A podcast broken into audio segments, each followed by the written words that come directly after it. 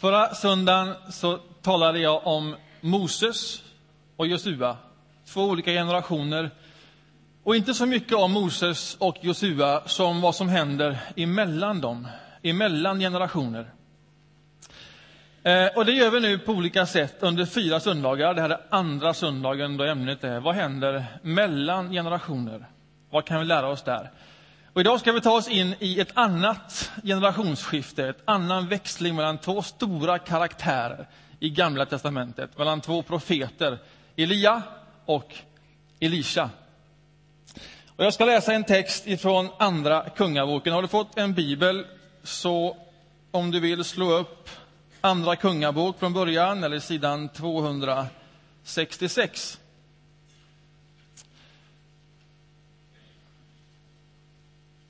Det är en ganska lång text. 267 ska det vara. Det är en ganska lång text. Så eh, lyssna, så resonerar vi omkring den sen. Kapitel 2, Andra Kungabok kapitel 2 och vers 1. Då Herren tog upp Elia till himlen i en stormvind gick det till så här. Elia var på väg från Gilgal tillsammans med Elisha och sa då till honom, stanna här. Jag har fått Herrens befallning att gå till Betel. Men Elisa svarade, så sant Herren lever och så sant du själv lever, jag lämnar dig inte. Och så gick de till Betel. Där kom profetskaran i staden ut till Elisha och frågade honom, Vet du om att Herren idag ska ta din mästare ifrån dig och lyfta honom upp?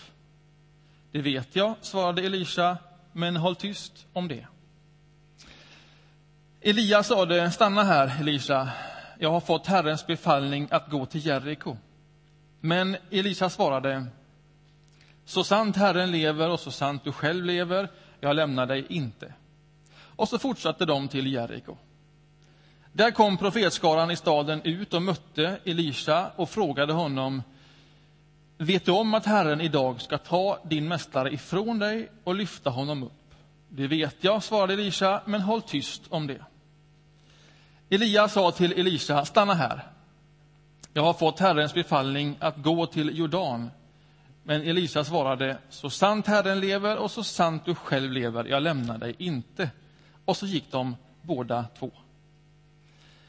50 man ur profetskaran följde med och stannade på avstånd medan de två ställde sig vid Jordan. Elia tog sin mantel och vek ihop den och slog med den på vattnet.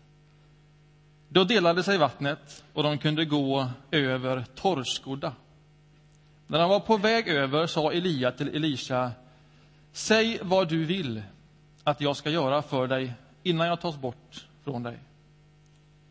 Elisa sa, låt mig få dubbla arvslotten av din ande. Det är ingen lätt sak du ber om, sa Elia. Om du ser mig när jag tas bort från dig ska du få vad du begär, annars inte. Medan de gick där och talade med varandra kom plötsligt en vagn av eld med hästar av eld och skilde dem åt. Och i en stormvind for Elia upp till himlen. Elisa såg det och han ropade Min fader, min fader, du Israels vagnar och ryttare.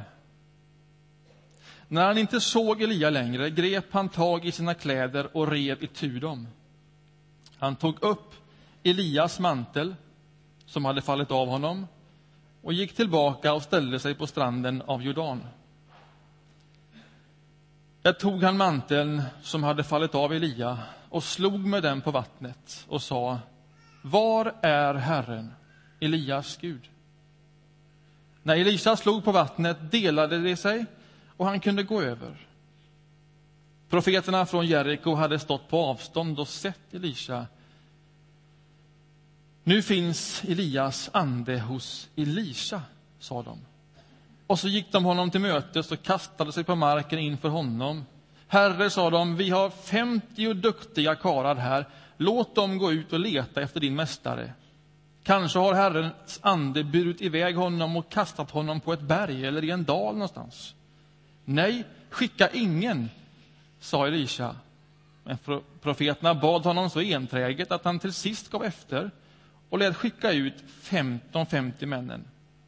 De letade i tre dagar utan att finna Elia. När de kom tillbaka till Elia, som var kvar i Jeriko, sa han Jag sa ju att ni inte skulle gå. Amen. Det är en berättelse, det.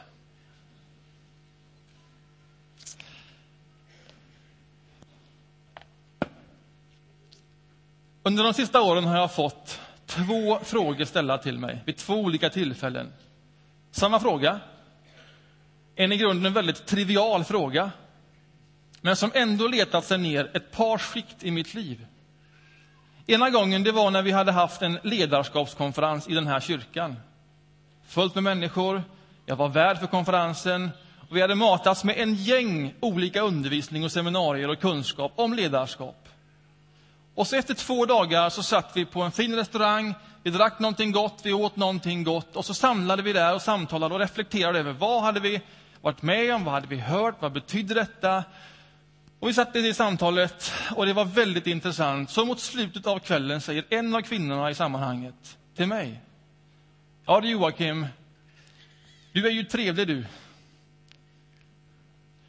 Som sitter här och undrar vad vi tänker om detta, vad vi har lärt oss om detta. Men vad vill du egentligen?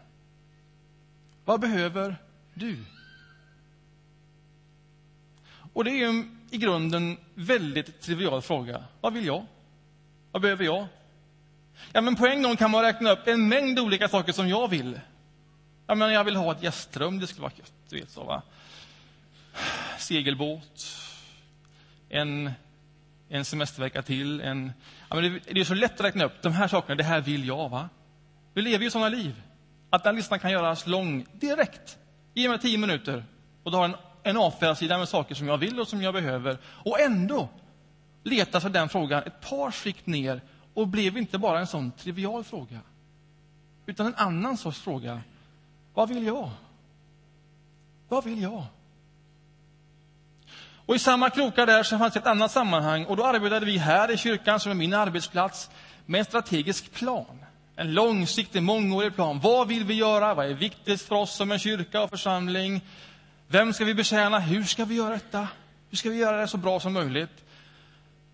Och mitt i allt detta så halkade jag in på en liten kurs i coaching.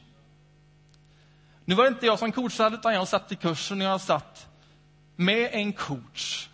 Och vi skulle ta med oss någon del från vårt arbete dit. Och jag tog med mig hela vårt arbete, vår plan och arbete vi hade tänkt och jobbat och skisser och rutor och, och allt detta och lägger ut detta uppfylld av det som jag var. Och så mitt i allt detta så får jag samma triviala fråga igen.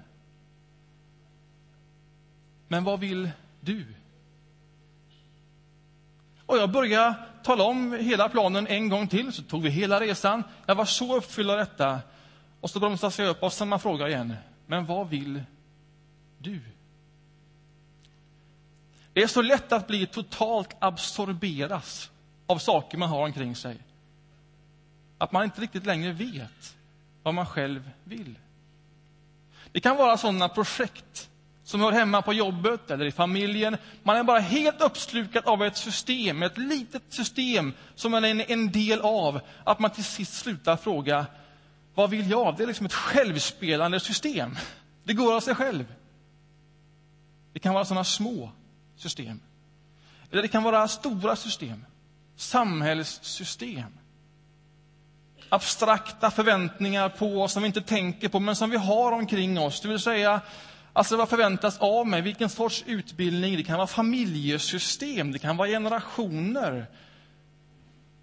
Vad förväntas jag göra av mitt liv? Vad för sorts utbildning? Vad för sorts jobb? Alltså, vad bör man tjäna för pengar?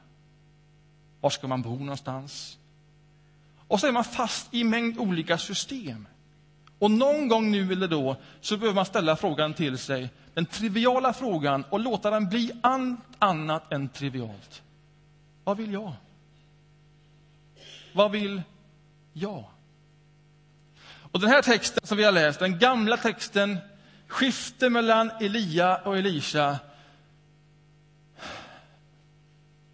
Det är huvudfrågan här. Vad vill du?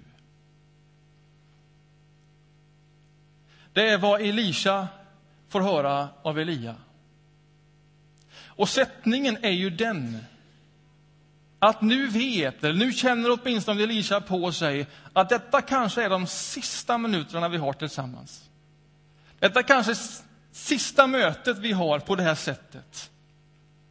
Vi har haft många tidigare, men nu är det sista mötet. Och när sista mötet är där, och när då frågan ställs, vad vill du att jag ska göra för dig? Så blir den frågan allt annat än trivialt. Då blir det inte allt det som man snabbt kan räkna upp som man vill, utan det blir en sista fråga. Vad vill, vad vill du? Och den frågan skulle jag önska att du hör. Den frågan vill jag ställa. Det är min enda fråga. Och du ska få tid efter predikan, ihop med musik, att fundera på det i din egen takt. Men låt den gå ett par lager ner. Vad vill du? Elisa han visste vad han ville. Hans svar det kom snabbt. Jag vill ha en dubbel arvslott. Vad betyder det? Ja, det fanns en juridik omkring hur nästa generation tog vid. Och var man första sonen, då hade man ett försprång, då fick man mest. Nu kunde man ju ha olika fruar och flera första söner, och så kunde ju fadern känna olika för olika söner, men då fanns det juridik. Det fanns etik som reglerade det. Först först fick mest. Så enkelt var det. Och det fanns ett begrepp för det. Dubbel arvslott. Och vad Elisa säger till Elia på frågan vad han vill, det är... För det fanns ju inga sådana kopplingar dem emellan. Utan dubbel arvslott, det är en symbol, det är ett sätt för att väldigt tydligt och starkt säga jag vill ha det du har. En dubbel arvslott av din ande. Jag vill ha vad du har. Jag vill ha vad jag har sett och vad jag har anat och vad jag har varit med om det. Jag vill verkligen låt det inte gå någon annanstans. Jag vill ha detta. Det är vad han säger. Så kan man ju backa bara något enda steg från den berättelsen och undra och ställa sig själv frågan, hur vet man vad man vill ha? Hur vet jag vad jag vill? Det är ju ändå en fundamental fråga. Och den behöver man ju resonera omkring nu då. Hur vet jag vad jag vill? Så jag inte bara åker med i allt som är möjligt att åka med i. Hur vet du vad du vill? Hur visste Elisha vad han ville? Kom det som en blixt från klar himmel och så bara visste han. Dubbel arvslott. Hur visste han det? Vad han gjorde och vad jag tror är ett gott råd det är att han gick tillbaks i sin egen erfarenhet och i sin egen historia. För de hade ju en historia tillsammans. Han gick tillbaks och så funderade han naturligtvis på vad jag varit med om i mitt liv. Vad har jag hört? Vad har jag sett? Vad har jag känt? Vad har jag läst? Och vad av allt detta har berört mig? Vad av allt detta har berört mig på ett sätt att jag inte blir fri från de minnena om jag bara ger mig själv lite tid att vandra igenom det jag varit med om? Vad är återkommande? Vad kommer tillbaks? En händelse? En bok? En människa? En plats? En upplevelse? En känsla? Vad är återkommande? Vad är återkommande? Nu då hör jag en berättelse från den här kyrkan. När jag inte själv var med, utan den här kyrkan var ganska ny. Då fanns här en eh, vaktmästare, en av våra volontärer, som kom hit varje söndag. innan alla andra var här. Sen gick han hit och han kom hit med sin egen verktygslåda med verktyg i. Och sen gick han en runda i den här kyrkan. Och om någonting behövde skruvas åt så skruvade han åt det. Om någonting behövde spikas så spikade han i den spiken. Och sen gick han vägen förbi toaletterna, såg till så allting var snyggt, tömde papperskorgen. Den där sista rundan. Och sen när det var gjort, då gick han ut och så luftade han sig. Det var uttrycket. Och sen när alla kom tillbaks igen, strax före elva, då kom han som en av alla de andra. Och sen gick han in hit i en kyrka som var förberedd. Den här berättelsen den hör jag upprepade gånger av någon här i vår församling, i vår gemenskap. Och så tänker jag, när någonting återkommer och man kan känna på hur en berättelse berättas. Det är mer än bara en berättelse. Så kan man ana den människans väg framåt. Här finns någonting djupare. Här finns någonting som återkommer. Här finns minnen. Här finns någonting som berör. Här finns någonting som skapar en längtan och en egen vilja. Och jag tänker, det är precis så Gud talar med oss. Det är sällan mer tydligt än så. Men om man skrapar på en trivial fråga, om man letar tillbaka till sin egen erfarenhet, vad är återkommande, vad är viktigt, vad har berört mig?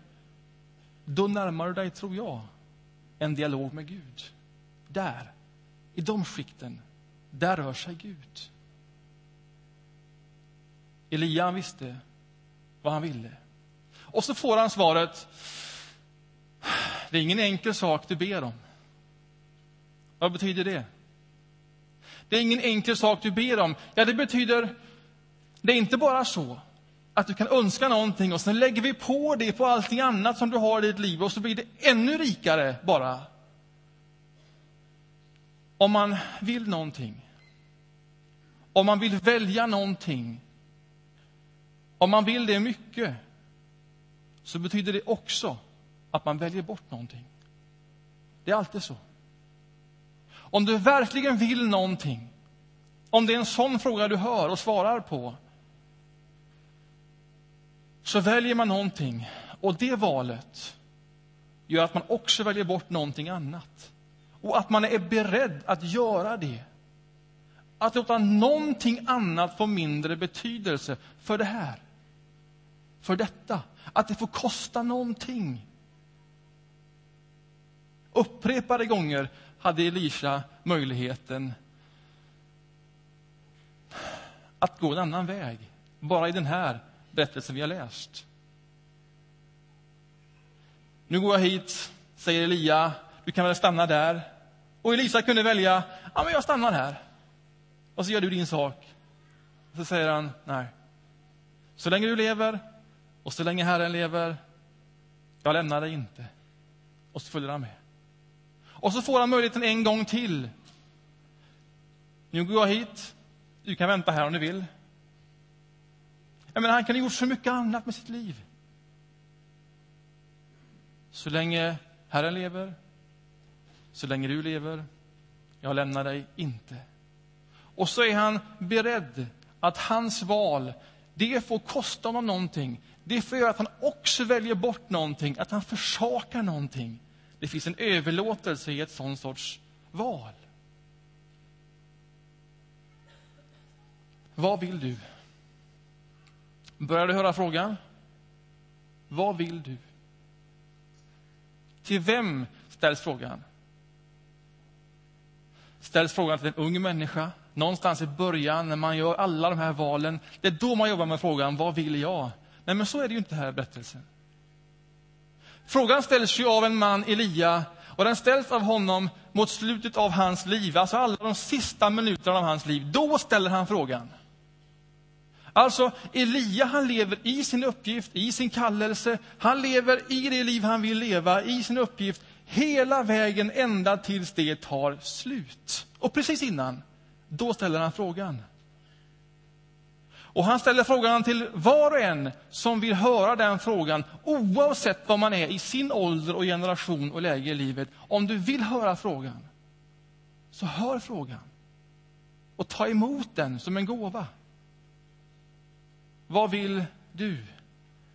Du blir aldrig för gammal för att lyssna till den frågan. Ja, vad vill du?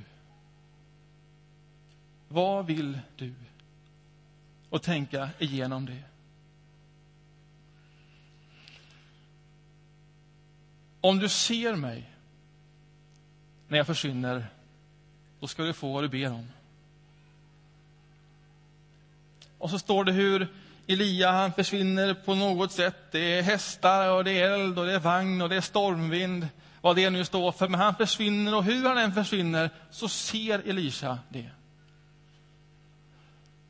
Och så står han där själv. Och han vet vad han precis har bett om. Men likväl så är han själv. Jag föreställer mig att det är tyst efter stormvinden. Det enda som är kvar, det är manteln. Den lämnar Elias efter sig. Så står det hur han tar upp manteln. Och sen går han tillbaks till stranden vid Jordan. Kort promenad. Men jag föreställer mig att i en kort promenad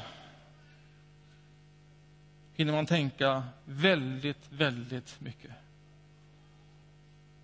Han tar manteln och så ställer han sig framför Jordan. Ni vet den som de gick torrskola igenom för att vara här. Och nu är vattnet där igen. Och kollegorna på andra sidan, de 50 andra profeterna. Och där står han med den där manteln. Och det är klart han undrar, vad nu då? Vad står det här för? Ja, han vet ju vad det står för. Han vet att den här manteln, den står för det han vill och det han längtar för. Efter. Det står för det han precis har bett om. Och det står där som en, som en väldigt stark symbol och påminnelse att han nog har fått det han har bett om. Men hur vet han det? Hur vet han att han har fått vad han har bett om? Hur vet han att Gud är med honom i denna hans längtan och önskan? Det enda han har är ju en mantel. Inte mycket att hänga i, ja, vad man nu hänger den. Och framför sig har han detta vatten, detta ogenomträngliga hinder. Han är inte ensam som har börjat sin bana så, med ett ogenomträngligt hinder. Han är inte den första som tänker, hur i hela världen ska det här gå till? Detta är omöjligt. Detta går inte. Detta är inte klokt. Detta är nog ändå inte min väg. Alla de tankarna har alla stora karaktärer tänkt. Kommer ni ihåg Moses? På väg ut. Vi är på väg. Och det första han möter, vad är det? Vatten. Jaha, hur gör vi nu då? Omöjligt. Och sen tar nästa generation vid nästa ledare, Josua. Nu ska du tala in i landet. Och så börjar han gå. Och vad ligger framför? Vatten. Hur gör vi nu då? Och det är som om alla stora karaktärer genom historien först ställs inför frågan Vågar jag räkna med Gud på allvar? Alltså, vågar jag verkligen räkna med Gud? Vågar jag ta de där stegen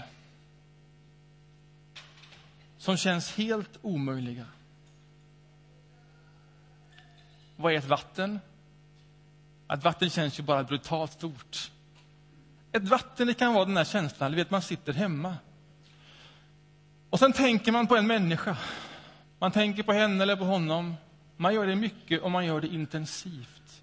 Och man blir inte av med den tanken. Och man tänker, undrar om jag skulle hälsa på, om jag skulle slå ett samtal, om jag skulle komma med en blomma, med lite mat, med någonting som jag vet. Vi kanske inte känner varandra så väl. Jag kommer ju oanmäld, eller jag kan inte bara ringa så där. Alla om och men. Ett oöverstigligt hav, och man känner sig obekväm. Vem är jag att göra det här? Så tar man sig ändå förbi havet. Och man går hem till den där människan. Man förmedlar den där hälsningen i all sin trivialitet. Men när man sitter där, eller när man talar de orden, så är det som om detta samtal, detta mötet, det var från början förberett. Tänk om jag gått miste om just det här. Om jag inte gett mig över detta vatten, om jag inte bara, om jag inte bara gjort det.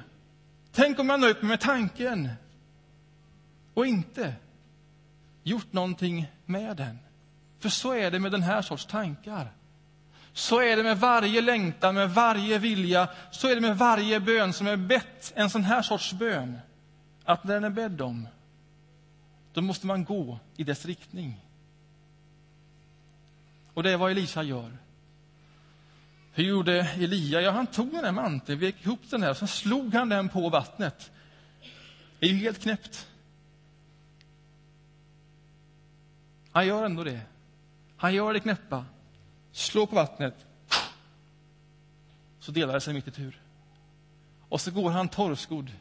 Jag tänker mig så här, som en tidning i armen.